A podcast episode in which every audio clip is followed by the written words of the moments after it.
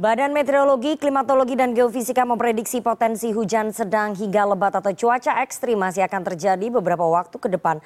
Apa yang memicu cuaca buruk di sejumlah wilayah tanah air? Untuk mengetahui lebih lanjut, apa sebenarnya yang sedang terjadi eh, terkait dengan cuaca buruk yang melanda di wilayah Indonesia, saya akan langsung bergabung dengan Kepala Pusat Meteorologi Publik BMKG, Fahri Rajab. Selamat sore, Pak Fahri.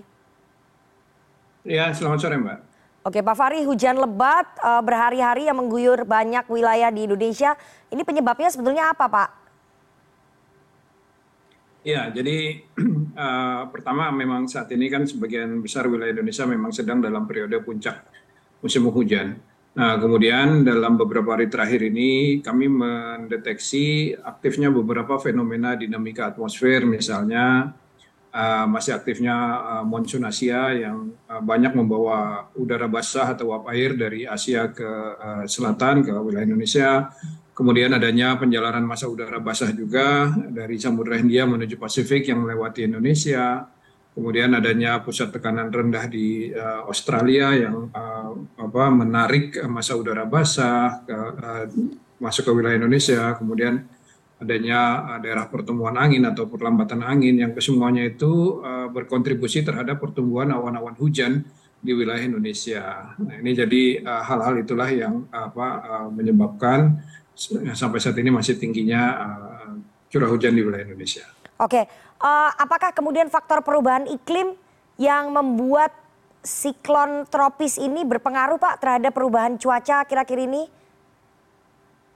Iya, uh, kalau kita bicara tentang uh, perubahan iklim tentu konteksnya adalah dalam periode yang panjang gitu ya. Uh, kita tidak bisa langsung me, me, me, apa, uh, menyatakan hujan hari ini karena perubahan iklim uh, tidak uh, perubahan iklim itu dalam periode yang panjang uh, 10 hmm. tahun, 30 tahun itu yang perlu kita lihat. Nah, tapi kalau siklon tropis memang itu uh, apa uh, fenomena ataupun uh, dinamika atmosfer yang sifatnya uh, harian dengan durasi sampai uh, satu minggu dua minggu dan saat ini memang uh, tidak terpantau ada siklon tropis baik itu di utara maupun di selatan yang ada hanya pusat-pusat tekanan rendah. Oke, kalau tidak terpantau adanya siklon tropis di beberapa wilayah, kalau bagaimana dengan topan Fame, Pak? Berkontribusi tidak terhadap cuaca buruk di Indonesia dalam beberapa hari terakhir ini? Iya, uh, itu um, apa uh, kita bisa karena kan cuaca di Indonesia tidak hanya uh, disebabkan oleh uh, apa yang fenomena yang ada di atas Indonesia aja ya, tapi di di beberapa wilayah uh, sekitarnya termasuk adanya siklon tropis gitu ya, ya di luar wilayah Indonesia seperti di uh, apa Samudra Pasifik utara Indonesia ataupun di Samudra Hindia itu uh, secara remote tentu ada kontribusinya terhadap uh, kondisi cuaca, tapi tidak berpengaruh langsung ya. Oke, tidak berpengaruh langsung. Oke, uh, Pak Fari, wilayah mana saja yang patut mewaspadai cuaca ekstrim beberapa hari ke depan? Ya, jadi uh, hujan dengan intensitas uh, sedang hingga lebat masih berpotensi terjadi da dalam tiga hari ke depan, antara lain di uh, Sumatera, terutama di sisi barat Sumatera, kemudian uh, Riau, Bengkulu, ya, kemudian uh, Jawa, Jawa Barat, Jawa Tengah, uh, Jawa Timur, bagian selatan, kemudian Kalimantan hampir uh, sebagian besar Kalimantan ya.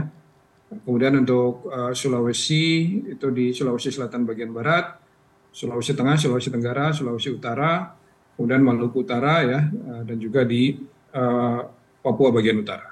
Oke, uh, sampai kapan kemudian cuaca buruk ini akan melanda wilayah tanah air, Pak Fari? Ya eh, puncak musim hujan masih akan berlangsung sampai dengan eh, apa dasarnya uh, 10 hari pertama di bulan Maret ini gitu ya. Hmm. Jadi di uh, periode awal Maret ini kita masih perlu terus meningkatkan kewaspadaan. Oke, sampai awal bulan Maret ini. Uh, kalau puncak musim hujannya kapan akan terjadi di Indonesia? Apakah di bulan Maret juga, ya. di awal Maret atau bisa mundur lagi nih Pak Fari? Ya saat ini kita memang sedang dalam periode puncak uh, uh, berlangsung dari uh, apa pertengahan Januari kemarin sampai dengan uh, awal Maret ini itu adalah periode puncak musim penghujan di sebagian besar wilayah Indonesia.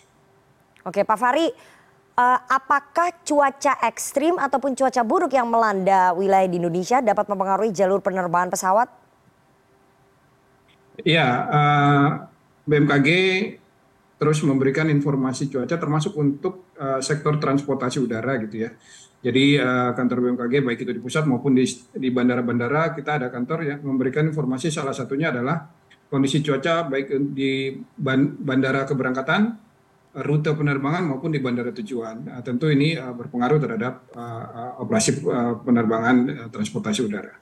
Oke, uh, selain hujan lebat ataupun hujan yang sedang, daerah mana saja yang harus waspada soal gelombang tinggi, Pak? Ancaman gelombang tinggi juga terjadi di beberapa wilayah menurut BMKG.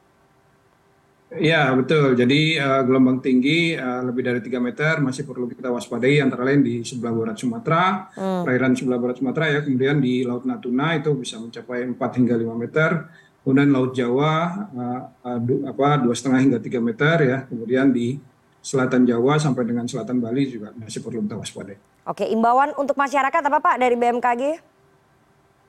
Ya, uh, BMKG mengimbau uh, mewaspadai dampak dari uh, cuaca buruk ini apa saja dampaknya yaitu bencana hidrometeorologi seperti banjir, banjir bandang, longsor ya. Uh, um, dimulai dari lingkungan kita dulu masing-masing ya di rumah gitu ya saluran air dalam keadaan bersih gitu ya. Kemudian pantau terus informasi cuaca dari BMKG dan jadikan rujukan dalam melaksanakan aktivitas sehari-hari. Oke, baik terima kasih Kepala Pusat Meteorologi Publik BMKG Pak Fahri Rajab atas waktunya dan juga informasinya kepada CNN Indonesia Newsroom sore hari ini. Semoga masyarakat bisa tetap waspada ya di tengah cuaca ekstrim yang akan melanda beberapa wilayah Indonesia beberapa hari ke depan. Terima kasih Pak Fahri, sehat selalu.